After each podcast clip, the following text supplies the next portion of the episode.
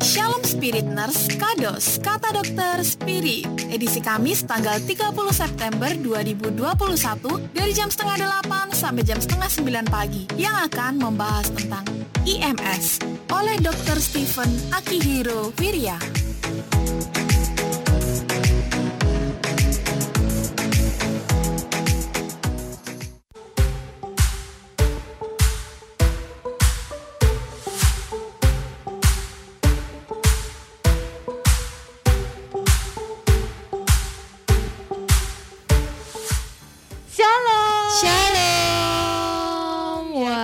kenceng banget. Kenceng ya. Iya. Memang gitu ya untuk membangunkan yang lain ya. Ya. Kita habis uh, Morning morit Spirit. ya, morit tadi. Mm-mm. Kita ambil alih. Sekarang waktunya kados nih Spirit Ya, Nurse. kata dokter Spirit dari jam setengah delapan sampai jam setengah sembilan. Betul. Dan hari ini kita ngebahas yang nggak biasa. Biasanya kita Oh, iya, sering iya, iya, malu-malu betul. kalau ngebahas ini. Iya, ini tentang apa ini? Tentang apa ya? Ini tentang apa tadi ya? IMS. Oh, IMS. IMS. Jadi Ah. IMS ini ya itu sangat berperan dalam krisis moneter biasanya. Oh, gimana ya ini? Kados atau prime ya ini? Wah, dan hari ini udah ada Iya. dokter Betul. yang menemani kita share. Shalom, Dokter Stephen. Shalom, dokter. Halo, selamat shalom, selamat Iya. pagi. Selamat Selamat pagi. pagi. sehat ya dok ya. Sehat, sehat. Ngelihat dokternya ceria pagi ini Iya, ya. betul. Oke bagus ya. Ha-ha, Siap membicarakan tentang krisis moneter ya dok ya. Itu- Krisis yang lain, tapi nggak moneter. Oh ya, krisis yang lain ternyata. Iya ya kalau krisis moneter itu IMF Iya. ya. Kalau ini IMS. Ya makanya ya kok agak lain gitu ya. Ini eh, infeksi menular seksual, betul Iya, ya dok ya. Benar. Nah kita akan bahas pagi ini buat spirit nurse. Kalian kalau mau nanya-nanya harus sesuai topik ya. Betul. Jadi kalau di luar topik ya mohon maaf mungkin ditampung dulu sampai kita membahas tentang topik yang itu kali. Iya. kalau nggak lupa. Kalau nggak lupa, kedengen lagi berarti ya kalau lupa. betul betul betul. Mm-mm. Oke deh. Gak pakai lama nih ya karena kita masuknya udah agak telat karena tadi Iya. muridnya udah kita usir-usir nggak mau keluar dia udah ya. molor-molor. Nah udah molor-molor. Jadi langsung aja kita akan bahas tentang IM, IMS ini ya. IMS. Oke dok silakan dok. Sekilas Iya. aja. Mm-mm. Mm-mm, ya, jadi saya ini membahas tentang masalah IMS ya. IMS itu infeksi menular seksual ya. Jadi ada Hmm. hubungannya sama seksual-seksual ini. Jadi hari ini agak um, bisa dibilang agak-agak uh, hot Oh, hari ini. Betul betul dok. Langsung Ah. hot di sini dok. panas. Iya. Ini sudah si kelihatan nggak PowerPoint-nya atau gimana? Oh belum, Belum bisa dok. di-share lagi Oh, dong. Boleh di share. Oh, di-share lagi ya? Iya. Oke buat spirit nurse ya kalian kalau mau ngeliat eh, share screen dari dokternya, mau ngeliat Mm. kita juga talk show-nya pagi hari ini, Iya. kalian bisa ngeliat lewat YouTube. Iya betul, juga live Instagram Spirit Online. Oh betul tentunya. betul betul. Nah Mm. kalian bisa langsung nanya di sana tuh. Jadi di YouTube kalian bisa langsung tanya di komen. Oh di live chat. Oh di live chat Iya. ya. Oh ya itu bukan komen ya. komen subscribe. Subscribe share gitu jadinya nanti. Betul betul betul. Kalau di Instagram kalian bisa eh, DM ya. Iya. Direct message DM. ya. Betul Jadi- betul. Dan jangan lupa formatnya tetap ya nama spasi umur spasi L atau P. Ya silahkan dokter. Iya, jadi hari ini kita membahas tentang STD atau IMS. STD itu uh, dalam bahasa Inggrisnya ya. Hmm. Jadi itu singkatan dari Sexually Transmitted Disease dan bahasa Indonesianya adalah IMS, infeksi menular seksual. Nah, ini gitu uh, untuk teman-teman yang di radio ya, mungkin Iya. apa itu di PowerPoint ini sekarang ada gambar uh, dua anak sekolah ya. Ini lagi ngobrolin apa ini lagi ngobrolin uh, diem-diem ini ngobrolin kan ya. What have you heard about sexually transmitted disease? Apa sih yang kamu pernah dengar tentang IMS? Mm-mm. Nah, ini adalah hari ini yang kita mau bahas pada hari ini. ya, jadi STD atau IMS itu apa sih sebenarnya? Ya, jadi itu adalah infeksi yang ditularkan atau disebarkan mulai dari orang ke orang melalui kontak seksual. Nah, kontak seksual ini banyak sebenarnya. Nggak cuman ya kontak seksual biasa yang uh, mayoritas kita tahu ya genital-genital, tapi juga ada dari oral ke genital, anus ke Hmm. genital, anus ke oral, dan banyak-banyak macam lainnya. Lalu berikutnya, ini kenapa sih kita ngomongin IMS sebenarnya sih? Kan ini kan bikin malu ya, maksudnya kan ini kan suatu hal yang tabu, apa itu banyak yang kita yang nggak terlalu banyak maksud oh, ngomongin kayak gitu. Betul, betul, betul. Iya. Mungkin kalau ada keluhan Hmm. bisa-bisa orang menyimpannya sendiri ya dok ya, takut gitu. Benar, benar, benar. Banyak yang nggak diceritain, nggak diceritain ke orang, banyak yang apa tuh disimpan sendiri lah gitu. Mm-mm. Nah, Sebenarnya kenapa gitu loh? Nah, kita harus tetap ngomongin ini karena ini ada sesuatu yang berbahaya. Jadi ini bukan suatu hal, hal yang dianggap enteng ya, bisa bahaya banget. Lalu penularannya itu juga sangat mudah sebenarnya. Apa itu lewat hubungan sek- seksual apa pun bisa langsung menular. Hmm. Dan sering kalinya itu penyakitnya nggak kelihatan. Kalau misalnya kita ngelihat, misalnya kalau kita plan COVID kan ya, orangnya batuk-batuk, pilek-pilek, batuk-batuk, wah kelihatan ini, nggak mau deket-deket ya. Tapi kalau penyakit IMS nggak kelihatan gitu. Jadi Hmm. cara tertular ya. Nah itu seperti tadi dibilang ya kontak seksualnya juga cuma genital genital aja, ada oral genital, anus genital, anus oral dan banyak lainnya. Mm-mm. Nah selain cara penularan secara kontak seksual ya, itu juga bisa menular lewat narkoba. Jadi misalnya kan penyakitnya itu ada di daerah di, di pembuluh darah, sehingga dia Oh. juga bisa menular lewat narkoba juga. Oh. Iya, iya, Tuh. iya, iya. misalnya suntik-suntik ya kayak gitu-gitu ya serem itu. Nah selain ini salah satu satu hal lagi bisa menularnya itu lewat kehamilan. Nah kalau ibunya kena penyakit menular seksual, lah bayinya waktu lahir kena penyakit menular seksual juga. Padahal bayinya ya tentu saja nggak pernah hubungan seksual ya, tapi penularan karena waktu lahirnya itu. Hmm, kasihan juga. Oke, tadi sempat dokter singgung ini kalau ternyata eh, penyakit menular seksual ini ada bahayanya gitu. Mm-mm. Nah, buat Iya. spirit nurse ya, kalau kalian mau tahu lebih lanjut lagi ya, kalian terus dengarkan kita sampai jam setengah sembilan nanti. ya. Dan kalian kalau misalnya ada pertanyaan, kalian boleh tanya via WA, lewat Zoom, boleh langsung Betul. nanya sama dokternya ya Iya. kan. Kalian bisa download dulu aplikasinya Spirit, Spirit Online. online. Iya, nanti langsung aja ya dari aplikasi itu langsung kalau mau gabungin lewat Zoom, klik yang Zoom atau mau WA, klik yang WA. Dan jangan lupa formatnya ya, nama spasi umur spasi atau P, juga pertanyaan dari Spirit Nurse. Oke, dan kita akan puterin dulu deh satu pujian jadi tetap di Spirit. Kami terus meninggikan namamu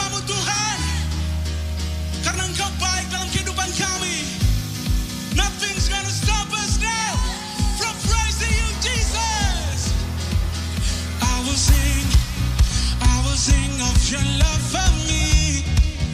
In my life you're my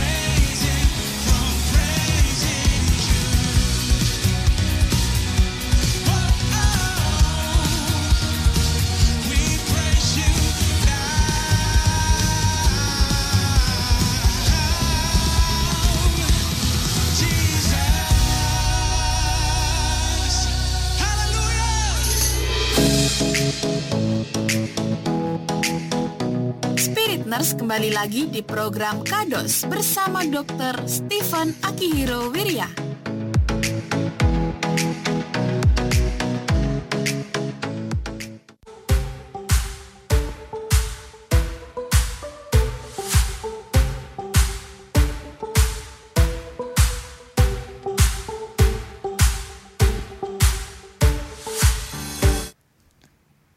Masih di Kados ya kata Dokter Spirit dan masih bersama Sally, Sharon dan juga Dokter Steven. Betul. Oke dan Spirit Nurse, nih udah ada yang bergabung ya sama kita via Zoom. Gimana Oke. kalau kita tanyain dulu aja? Bukan kita yang nanya dong, dia Oh, yang iya. nanya. Iya kebiasaan morning spirit ya. Iya. Sama jadinya. kalau Morning Spirit kita yang nanyain ya. Ya, kalau kalau ini, ini- mereka yang nanya Iya gitu bisa ya. bertanya Bertanyanya sama dokternya sama biasanya. dokternya. Shalom, Shalom. Kezia. Mana? Udah ada ya.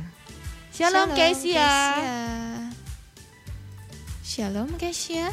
Kesia. Ada yang mau ditanya mungkin sama dokternya bisa langsung di unmute. Betul, harus di unmute dulu ya. Kalau Iya. enggak kita jadi ilmu kebatinan ini Iya. ya, nggak bisa mengerti gitu.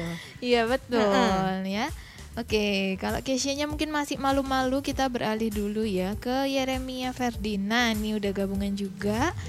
Shalom, bisa langsung bertanya-tanya sama Shalom dokternya. Yeremia. Shalom Kak Sally, Kak Sharon dan Bapak Dr. Steven. Halo. Shalom Yeremia mau nanya apa nih? Ya. Saya mau ini ada sedikit.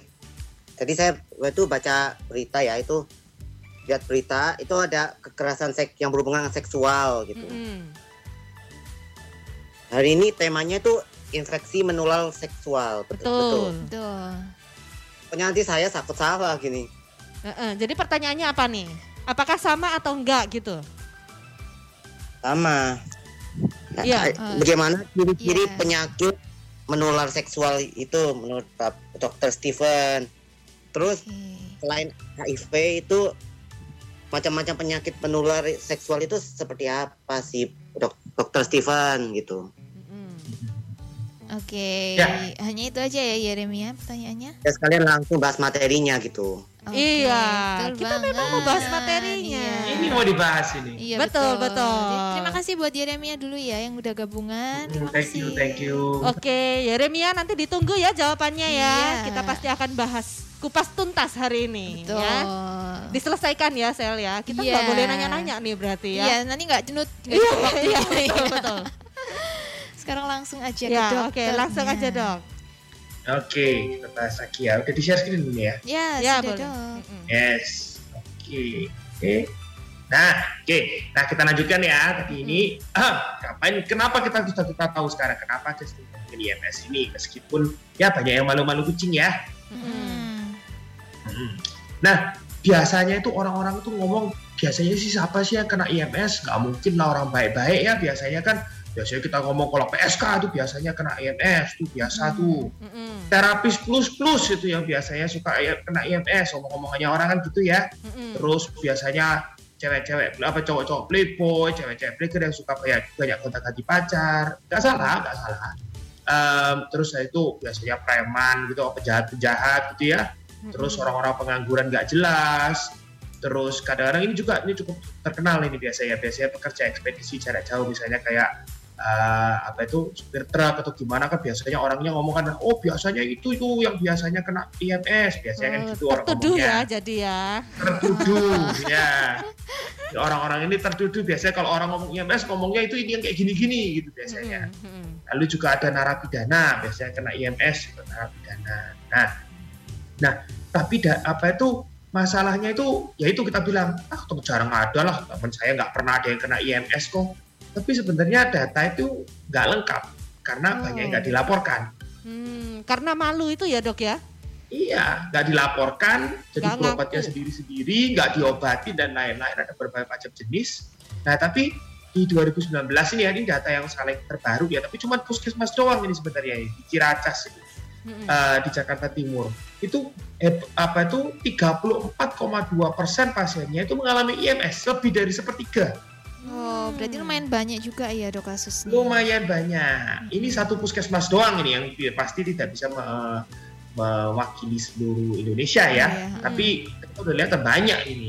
Nah, datanya di kanan ini itu adalah pekerjaan-pekerjaannya. Hmm. Nah, kalau dari semua persentase ini ya, ini mungkin jumlahnya nggak terlalu banyak persentase ini. Yang paling gede ini apa ini sebenarnya? Housewife, ibu rumah tangga. Oh, iya betul. Jadi pertanyaannya ini kenapa kok ibu rumah tangga yang paling tinggi? Justru Iya, yang kenapa kita ya, bilang, Iya, kenapa dok? iya makanya. Waduh kalau gitu Kalau eh, kita lihat- jadi wanita karir aja jangan ibu rumah tangga Ah, takut dong ya. Aduh, enggak, enggak, jangan dong. Iya, Nah. kenapa itu ya? Nah, ini ini adalah suatu misteri kan ya. Oh, misteri. Misteri ini, kenapa ini apa itu ibu rumah tangga ini? Nah, kalau kita lihat itu masalahnya itu ternyata ada yang namanya fenomena iceberg, fenomena gunung es. Jadi yang kelihatan di atas ini cuma kecil, tapi banyak yang di bawah ini.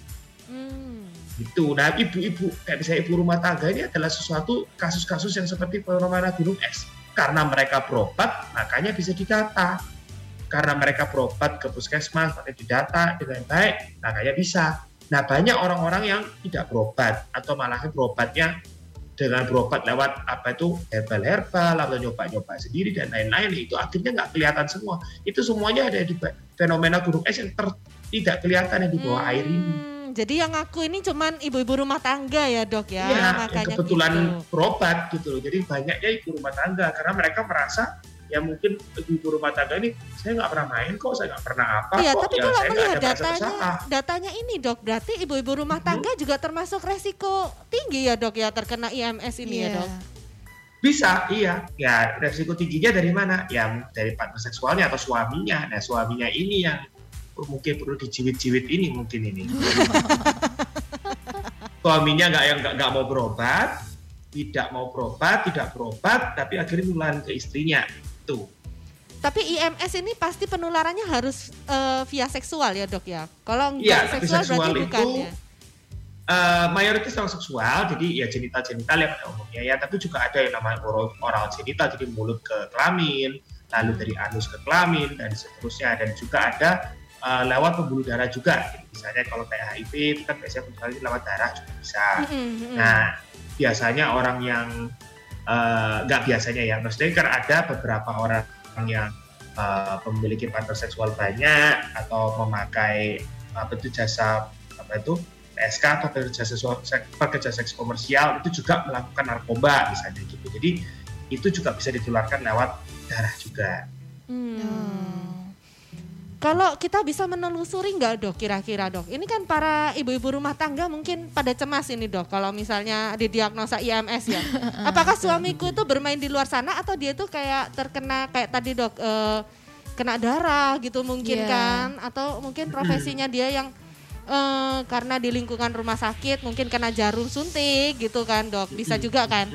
Nah itu apakah dari tipe, eh, maksudnya bukan tipe apa ya, eh, diagnosa penyakitnya itu apakah bisa membedakan, oh yang ini tipenya eh, yang kena ini aja, yang bisa kena darah, atau yang tipe ini itu khusus untuk yang ini penyakit apa seksual melalui seksual gitu. Atau sama Nggak aja? bisa dikasih tahu. Nggak bisa tahu. Oh, nggak bisa Oh nggak tahu. bisa tahu ya dok ya. Berarti kita Nggak eh, tahu. para ibu-ibu rumah tangga ya jangan keburu-buru ya, nek Iya, netting ya sama suaminya. netting, heeh. Jadi mungkin harus dibicarakan dulu baik-baik ini Iya. ya. Oke oke, boleh lanjut lagi dok. Iya. Nah, ini masalahnya kenapa sih uh, iceberg phenomenon dan banyak yang nggak uh, ngaku ini kenapa sih sebenarnya? Karena ya pendidikan seksual yang masih tabu ya di Indonesia ya banyak orang yang kalau dengar kata seks saja langsung rasanya ih geli lu gitu. Uh, banyak orang yang belajar dari sumber yang nggak valid gitu ditanya-tanya dari teman atau misalnya materi media dewasa mungkin film porno dan lain-lain atau asal uh, searching-searching di internet gitu kan juga bisa juga gitu loh. Terus kalau sakit itu banyak ya pengobatannya coba-coba. Katanya teman saya gini, Hmm. katanya teman saya gitu. Betul Di betul. internet gini, di internet Iya. gitu. Tapi kan nggak salah, nggak nggak valid ya gitu loh, nggak nggak bisa dibilang suatu Iya. hal yang uh, benar. Iya, itu memang Nah. semua penyakit begitu ya dok. Tetangga itu mendadak menjadi dokter-dokter gitu Iya. ya. Benar, benar. Biasanya meyakinkan benar. gitu. Heeh. Benar, ini jadi tetangga, teman semua gitu. Nah ini juga ada fenomena yang terakhir ini lagi ngetrennya adalah suatu dokter online ya. Nah, dokter online ini kan dokter beneran dok lah ini kan ini kan Iya, harus ya ya ya nggak masalah kan ya. tidak masalah benernya. Saya percayalah dokter-dokter di Indonesia itu cukup mampu untuk menangani ini. Nah, tapi ada tapinya. Mm-mm. Masalahnya itu ya kalau misalnya di dokter online ya misalnya kayak beberapa app-app tertentu atau beberapa media-media tertentu itu itu susahnya adalah pasiennya itu seringnya anonimus. Namanya asal tulis. Sehingga kita nggak tahu ini pasien ini siapa juga nggak tahu. Bisa aja saya nanyain buat tetangga saya bisa. Sehingga datanya mungkin nggak sesuai. Mungkin tetangga Oh. saya eh, apa itu main pekerja seks komersial atau gimana. Tapi saya nggak tahu saya coba nanyain buat tetangga saya. Bisa aja kan? Atau Mm-mm. suami nanyain buat istrinya. Hmm. Mungkin suami apa itu atau istrinya nanyain buat suami mungkin istrinya merasa suami saya nggak pernah main padahal main gitu nah itu akhirnya membuat pengobatan yang nggak benar gitu loh karena informasi yang didapat dokternya juga nggak benar Ya betul. Kalian kalau mau tanya di sini spirit nurse ya, kalian harus kasih informasinya yang benar ya. Iya, betul. Jadi nama, nah itu juga umurnya juga perlu, perlu ya dok ya umur. Terus Ya, jenis umur. kelaminnya juga perlu tuh laki-laki atau perempuan. Jadi kalian kalau mau join, makanya itu kenapa kita bikin format gitu kalau di sini ya. Iya. WA itu ya kalian kalau join WA harus ada nama, spasi umur, spasi L atau P. Terus pertanyaan kalian dan harus sesuai topik ya. Iya. Spirit Nurse pagi ini kita ngebahas tentang infeksi Menular menular, seksual. seksual. Iya, mungkin saya kalau misalnya ada yang mau nanya secara anonimus, mungkin boleh kalau di sini karena kita nggak melakukan pengobatan. Oh ya, namanya Ya. samaran aja ya dok ya, samaran. Ya, boleh, boleh, boleh. anonimus Iya. boleh, Oke. Ha, kita puterin satu pujian dulu. Jadi tetap di spirit.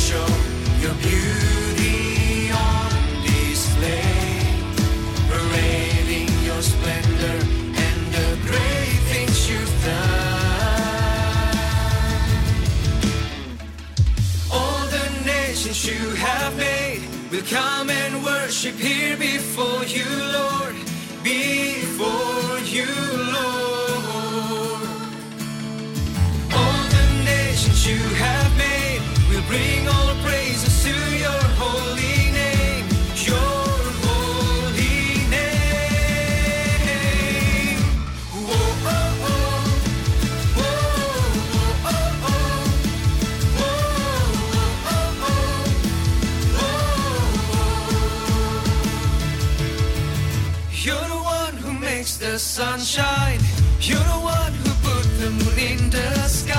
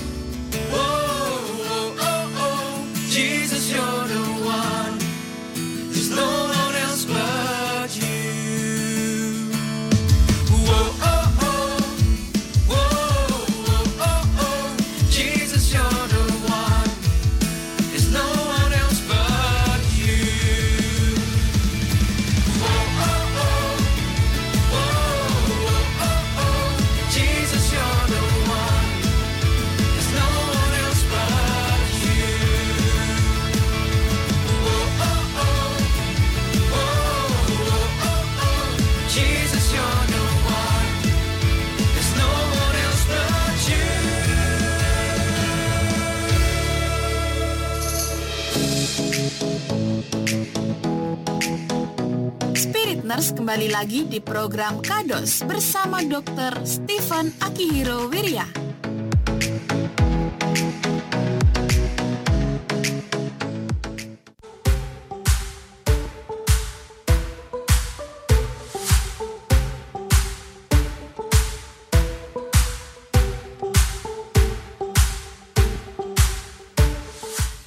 Karena waktunya udah sangat mepet Iya. ini ya. Dan tadi pertanyaan Yeremia belum sempat terjawab ya. Eh, sekarang kita akan membahasnya. Iya, Ya. sekarang Nah, kita Jadi- jawab sekarang. Ya, gejalanya tadi dia nanyanya dok. Ini gejalanya IMS ini gimana sih gitu?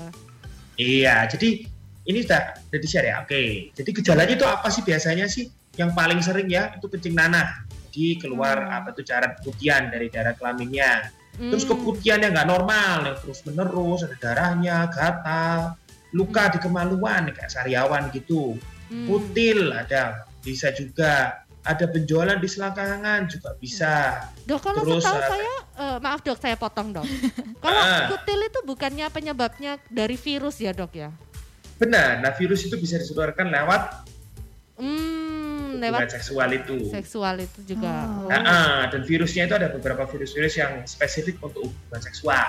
tuh. Hmm, Oke oke. Nah, setelah itu juga ya bisa testis yang bengkak, terus nyeri saat berkemih juga bisa. Nah ini macam-macam ini penyakitnya ini. Ini ada beberapa penyakitnya yang salah satu yang umum ya. Iya. Chlamydia, gonore, ini sudah mungkin gonore orang sudah tahu. Herpes, mungkin orang sudah tahu. Kutil kelamin ya. Hmm. Ini bisa tahu hepatitis B sama C, ini yang bisa dilakukan lewat darah. HIV AIDS tadi yang Jeremia sudah uh, sebut ya. Itu Mm-mm. bisa bernular lewat uh, hubungan seksual. Kutu juga bisa. Ah, kalau misalnya hubungannya dekat kan Oh. kutu juga bisa nular juga tuh. Itu termasuk IMS juga tuh. Oh iya iya iya iya ya, kutu ya. Hmm, Bisa lompat kutu. berpindah dia ya. Oh, Kutunya. Iya. Terus sipilis, nah, itu kan Mm. juga cukup umum ya sipilis ya bakteri atau tropomoniasis itu juga bakteri yang biasa berkeluarga keputihan juga. Nah, kalau nggak diobati gimana? Nah itu Iya. bisa nyebar ke seluruh tubuh. Ini bahayanya itu ya dok ya, yang Iya. bahaya. Hmm, ini bahaya bahaya ini. Hmm. Ini dua dua hal yang cowok-cowok pasti paling takut nih, impotensi, Hmm, Ya. ya betul betul. Mandul permanen. Nah, kutil-kutil ini juga bisa menyebabkan jadinya kanker penis juga bisa. Hmm, Ngeri juga kan? Iya. Terus juga bisa kanker serviks. Nah, serviks itu apa sih? Nah, serviks itu adalah bagian bawahnya daripada rahimnya perempuan biasanya. Itu bisa Hmm. terjadi kanker. Ya, kalau orang-orang orang-orang bilang biasanya kanker mulut rahim ya dok ya. Iya. cervix. Iya, benar, benar. Nah, kanker mulut rahim, leher rahim. Nah, itu. Ya. Kalau neurosifilis, jadi usia sifilisnya bakterinya sampai otak. Lalu juga ada ini yang paling penting ini, kalau pengobatannya nggak tuntas, nggak rutin, rasa sudah baikkan terus stop, ya itu resistensi obat. Hmm. Obatnya kebal, nggak mempan lagi. Kalau nggak mempan ya gimana? Ya nggak bisa sembuh. Kalau nggak bisa sembuh ya sudah semua komplikasi muncul semua ya. Waduh, nah dok kalau penyebaran ke seluruh tubuh ini maksudnya jadi penyakit-penyakit yang lain atau gimana dok? Iya, iya, iya. Jadi penyakit yang lain, misalnya kayak neurosifilis itu kan jadinya otaknya yang rusak. Itu bisa nyebar ke Hmm. jantung juga, jantungnya rusak. Nah, seperti itu. Oh jadi Waduh. bisa merusak organ yang lain gitu ya dok ya? Benar, bisa. terus Nggak cuma kelamin doang. Tanya dok kalau kencing nanah ini eh, apakah ada kayak nyerinya juga sama kayak kalau kita kulit bernanah gitu dok? Mm-mm. Hmm, biasanya itu eh, kalau orang Jawa ngomongnya ya anyang-anyangan biasanya, panas di kelamin kemih kelaminnya biasanya. Hmm, saya pikir ayang-ayangan itu biasanya anu kencing dok, saluran kencing. ya, mirip kayak gitu Iya. rasanya. Karena sama-sama radang sebenarnya sih. Jadi rasa-rasanya itu ada yang mirip-mirip gitu. Oh, oke Oke. oke oke oke. Cuma radangnya sebabnya karena apa? Nah, itu bedanya. Itu harus diperiksa. Nah, itu sudah. Ya. Hmm, Oke Oke oke. dok, Hmm. Silakan Ya, dilanjutkan dokter. jadi eh, gimana supaya caranya supaya nggak kena ya? Ini biasanya orang ngomong gitu ini ngari ya. Abstinence ya, jangan hubungan seksual sebelum nikah ya. Nah tadi dok, bu- buktinya itu tadi banyak ibu rumah tangga lah, ibu rumah tangga kan udah nikah itu. Nah itu makanya dok, Iya. ibu rumah tangga jadi tertuduh sekarang dok, gimana dok? Nah ini gitu. Nah ya itu masalahnya ya jadi jangan hubungan seksual dengan partner yang multiple ya. Jadi misalnya soal apa itu kalau ibu rumah tangga ya suaminya jangan cari jajan di luar tuh akhirnya nular istrinya. Nah, Hmm. Ini juga ada juga pemakaian kondom tentu saja ya. Mm-mm. Nah, dan pengobatannya itu harus tuntas. Jadi bukan ya udah membaik ya sudah di stop bukan gitu, tapi harus tuntas. Dan kalau misalnya ada pasangannya, misalnya ibu rumah tangganya diobati gitu ya, terus suaminya juga harus diobati. Kalau suaminya nggak diobati ya nanti ketularan lagi, ketularan lagi dan nggak selesai-selesai. Nah, Hmm. ini kita mau ngomong nih masalah sedikit masalah kondom nih. Nah, di puskesmas kemarin ini ditanya nih 85,9 persen ya orang-orang ini itu kalau jajan nggak pakai kondom. Hmm, mahal kali dok Nah. kondomnya dok. Saya nggak tahu itu harganya berapa itu saya nggak tahu. Banyakan bilangnya katanya nggak enak. Nah 10% bilang katanya malu kalau beli gitu. Terus ada juga nih yang Sharon bilang tadi mahal harganya. Nah itu juga ada yang others ini saya nggak tahu apa ini. Iya, Ya. iya. Nah kalau kena terus gimana lo ya? Ya harus ke dokter. Harus jujur, ceritakan apa yang terjadi. Kalau memang main sama PSK, ya main sama PSK. Mesti ketemu apa itu ganti-ganti pasangan ya ganti-ganti pasangan. Karena informasi yang nggak benar Mm-mm. akhirnya menyebabkan pengobatan yang nggak benar dan pada akhirnya nggak sembuh dan akhirnya ya, ya itu nyebar ke seluruh tubuh Hmm, gitu ya. Jadi informasi yang disampaikan tuh penting banget ya dok untuk menegakkan diagnosa Penting. begitu dok. penting jangan kasih informasi yang salah ke dokternya. Kalau informasi yang salah ya pengobatannya resiko salah ya. Mm-mm. Tapi memang bisa sembuh sampai 100% ya dok? Bisa ya? Kebanyakan bisa ya tentu saja HIV kita tahu ya HIV nggak bisa sembuh 100% ya. Gitu. Mm-mm. Kan bisa dirawat bukan berarti nggak bisa dirawat ya. Nah terus juga ikuti pengobatan anjuran dokter hingga hingga selesai. Terus kalau memang terus-terusan pengobatannya ya terus-terusan diikuti kalau memang cuma berapa apa tuh satu minggu satu minggu dikerjain. Tapi tetap tidak boleh diremehkan ya.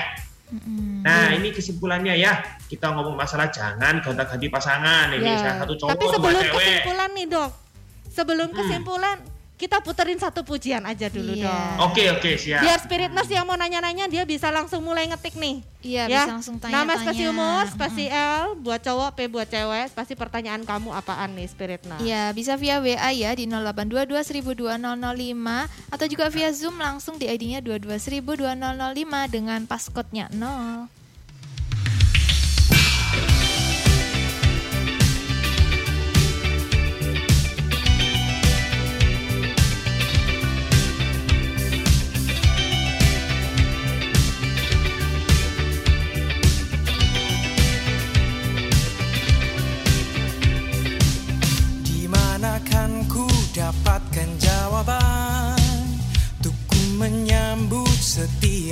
Tantangan Semua caramu di atas logika Selalu tertuju pada kekekalan.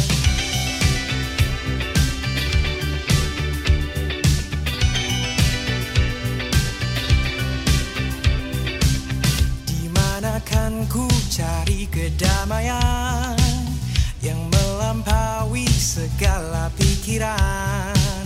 Tiada sanggup jelaskan Betapa dahsyat engkau Tuhan. Semua yang terbaik Dunia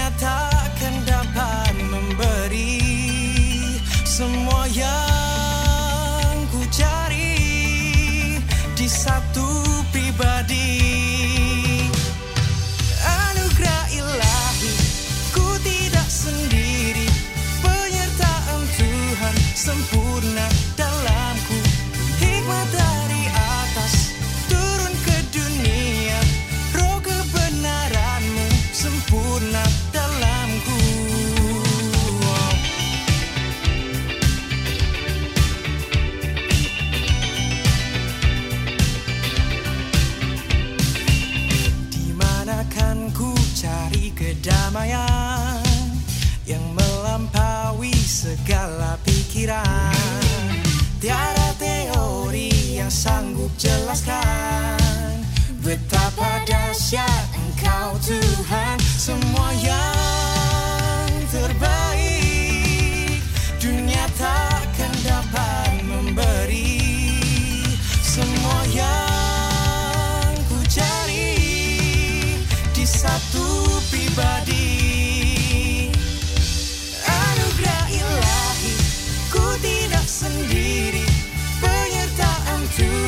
Sempurna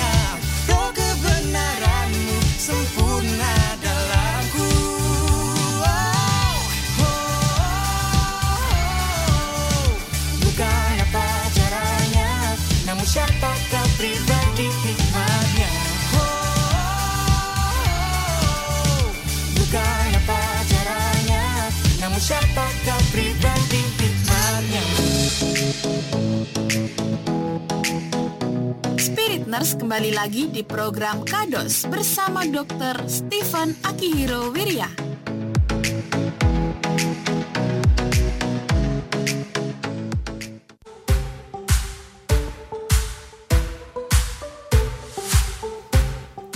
Oke masih di kata Dokter Spirit bersama Sally, Sharon dan juga Dokter Steven. Nah Betul. Spiriters waktunya tinggal 15 menit lagi ya Buat yang mau tanya bisa langsung sekarang Bisa via WA ataupun via Zoom ya Dengan format nama spasi umur spasi L atau P Betul. Spasi pertanyaan kalian Ya. sesuai topik kita pagi hari ini adalah IMS, IMS. infeksi menular seksual. Iya tuh Nah, Dok, sebelum masuk kesimpulan nih, Dok. Mm. Saya mau tanya yang tadi dokter sebutin eh, jenis-jenisnya infeksi menular seksual itu penyakitnya, Dok. Itu yang paling sering terjadi di masyarakat kita yang mana sih, Dok? Yang paling banyak, yang, Dok?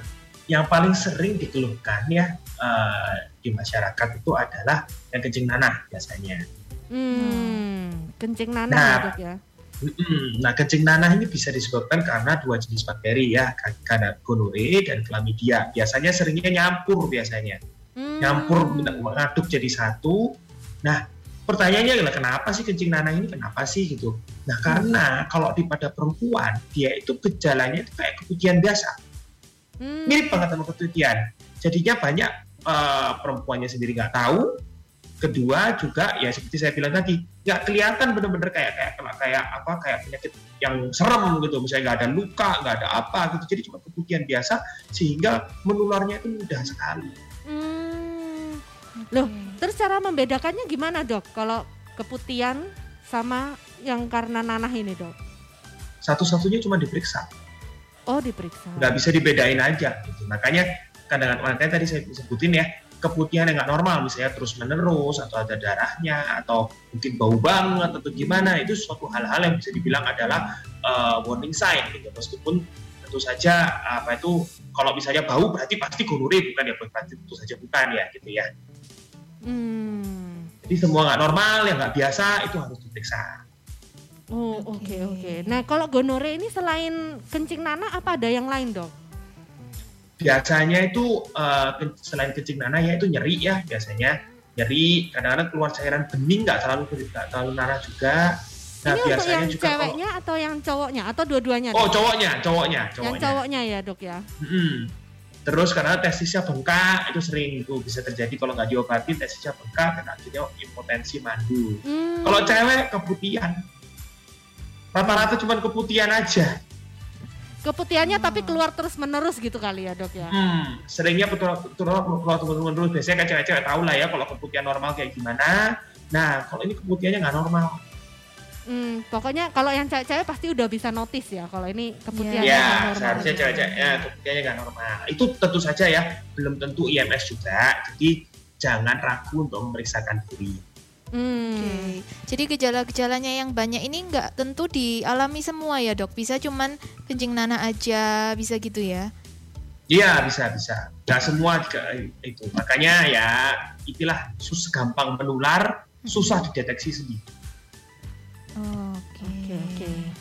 Ya oke dok, kita langsung masuk kesimpulan aja nih ya. Mm-mm. Ya, Dan kalau ada tips-tipsnya juga buat spirit nurse dok. Betul betul dok.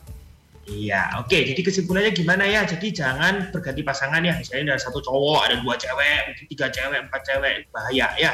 Saya itu jangan pakai uh, Harus apa yang itu, setia ya dok ya. Hmm. Setia, satu pasangan saja. Mm-mm. Terus pemakaian kondom ya itu penting juga. Lalu gejala selalu omongin ke dokter ini karena ini selalu omongin ke dokter. Nah itu juga treatmentnya diikutin gitu dokternya bilang apa ya Hmm. diturutin gitu jangan berusaha mengobati diri sendiri misalnya kena kedua kali gitu misalnya kena kedua kali ini Hmm. ini keras kepala ini kena dua kali konsultasi lagi karena belum tentu gejala apa itu penyakitnya sama ya Oh. penyakit kan ada gonore, ada sangkroid, ada sifilis, ada herpes dan lain-lain. Hmm. Jadi jangan ambil kesimpulan sendiri, jangan coba-coba. Karena diri kita kan juga bukan prinsip percobaannya dicoba-coba nggak bener itu ya. Oh ya dok, kalau misalnya udah bertobat dok dia ya dok ya. Udah Itu, bertobat. Iya bertobat, sudah bertobat dia. Habis kena. IMS gitu Iya. ya. Nah itu bisa terjadi lagi nggak dok? Kayak eh, kembali lagi gitu nggak penyakitnya? Nah, kalau Tanpa Khusus untuk kencing nanah biasanya tidak. Kalau misalnya kambuh lagi, kemungkinan pengobatannya nggak tuntas. Oh, gitu. Berarti harus sampai tuntas nih. Tapi yang lain bisa kambuh lagi dok berarti meskipun pengobatannya udah sembuh dan dia udah nggak eh, apa tadi istilahnya jajan ya, Iya, jajan di luar. udah ya, setia. yang lain-lain ada beberapa yang bisa, tapi rata-rata kalau sudah sembuh ya sembuh. Nah, HIV kan nggak bisa sembuh ya, jadi ya Hmm. memang harus dirawat seumur hidup ya kita tahu sebenarnya. Hmm, Yang Oke. ada yang bisa kambuh lagi itu yang mana ya dok ya? Nah, biasanya kalau kambuh-kambuh lagi yang modal kutil kelamin. Biasanya. Oh, jadi kalau sudah sekali kena nanti Bisa eh, kena lagi. kapan bisa kena bisa lagi kena meskipun lagi, bisa kambuh lagi, meskipun, meskipun enggak. sudah nggak ini ya, nggak melakukan hubungan seks di luar itu ya. Iya. Iya, iya, iya, iya. Makanya itu pentingnya kalau cewek-cewek ya sebaiknya divaksin HPV ya. Jadi itu HPV adalah vaksin yang menyebut kelamin supaya terlindungi. Hmm. Oke. Kalau udah divaksin berarti udah nggak nggak bisa ini ya dok ya? udah aman gitu. Udah aman ya dok? Eh, aman tanda kutip. Jadi HPV virus yang menyebabkan kutil kelamin itu ada banyak jenis, ada ratusan jenis ya. Nah, yang paling umum yang menyebabkan kutil kelamin adalah 6, 11, 16, 18. Nah, Hmm. 16, 18 ini ya biasanya yang bikin eh, apa itu kanker biasanya. Iya Nah. dok betul dok. yang ada di Indonesia ini mengcover empat ini. Tapi tidak menutup kemungkinan HPV yang jenis-jenis yang lain. Jadi tetap aja bukan tanda kutip aman 100% total. Oh Tapi jadi kutil terlindungi dari kelamin yang paling sering. kutil kelamin ini HPV jenis lainnya banyak juga ya dok ya yang menyebabkan. Banyak ada ratusan. Waduh. Oh, iya iya ya. Soalnya saya pernah ditawarin dok untuk vaksin, Vaksin. cervix ya, CA cervix katanya bisa untuk Iya, menangkal kutil kelamin juga gitu. Tepat memang. Makanya semua perempuan ya, laki-laki pun tidak masalah sih sebenarnya sebaiknya di, divaksin. Karena nggak ada salahnya ngevaksin empat tipe vaks, eh, empat tipe HPV yang paling sering dan paling bahaya sudah ke cover.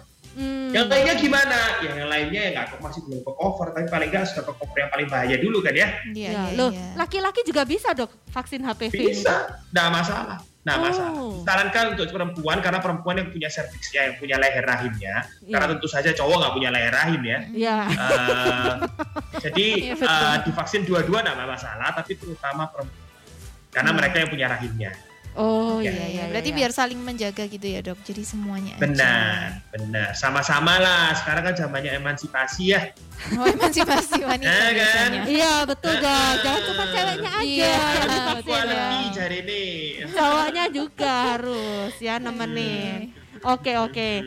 Ya ya dok. Boleh dilanjutin lagi dok kesimpulan? Ya, jadi ini ada apa itu dari eh, mahasiswa atau mahasiswa yang cukup eh, baik bikin eh, posternya ya. Hmm. Ini ada ABCD. Wah, apa A? A, tidak melakukan hubungan seksual sebelum menikah dan tentu saja ya tidak berganti pasangan meskipun sudah menikah. Hmm. Ya, itu B, be faithful ya. Terus C, pemakaian kondom, misalnya A sama B nggak bisa, nggak mau apa pun pada ya antara alasan apa pun lah ya, Mm-mm. pakailah kondom paling sedikit ya. Tidak melindungi 100%, tapi lumayan sedikit perlindungan lebih baik daripada tanpa perlindungan. Mm-mm. Selain itu juga jangan menggunakan misalnya kayak narkoba, terutama obat-obat suntik karena beberapa infeksi menular seksual bisa menular lewat eh, jarum suntik. Ya, jadi jangan gitu. Betul. Oke. Untuk petugas-petugas medis juga lebih berhati-hati gitu ya Tepat. dok ya untuk Iya. menangani jarum tepat, suntik. itu saja.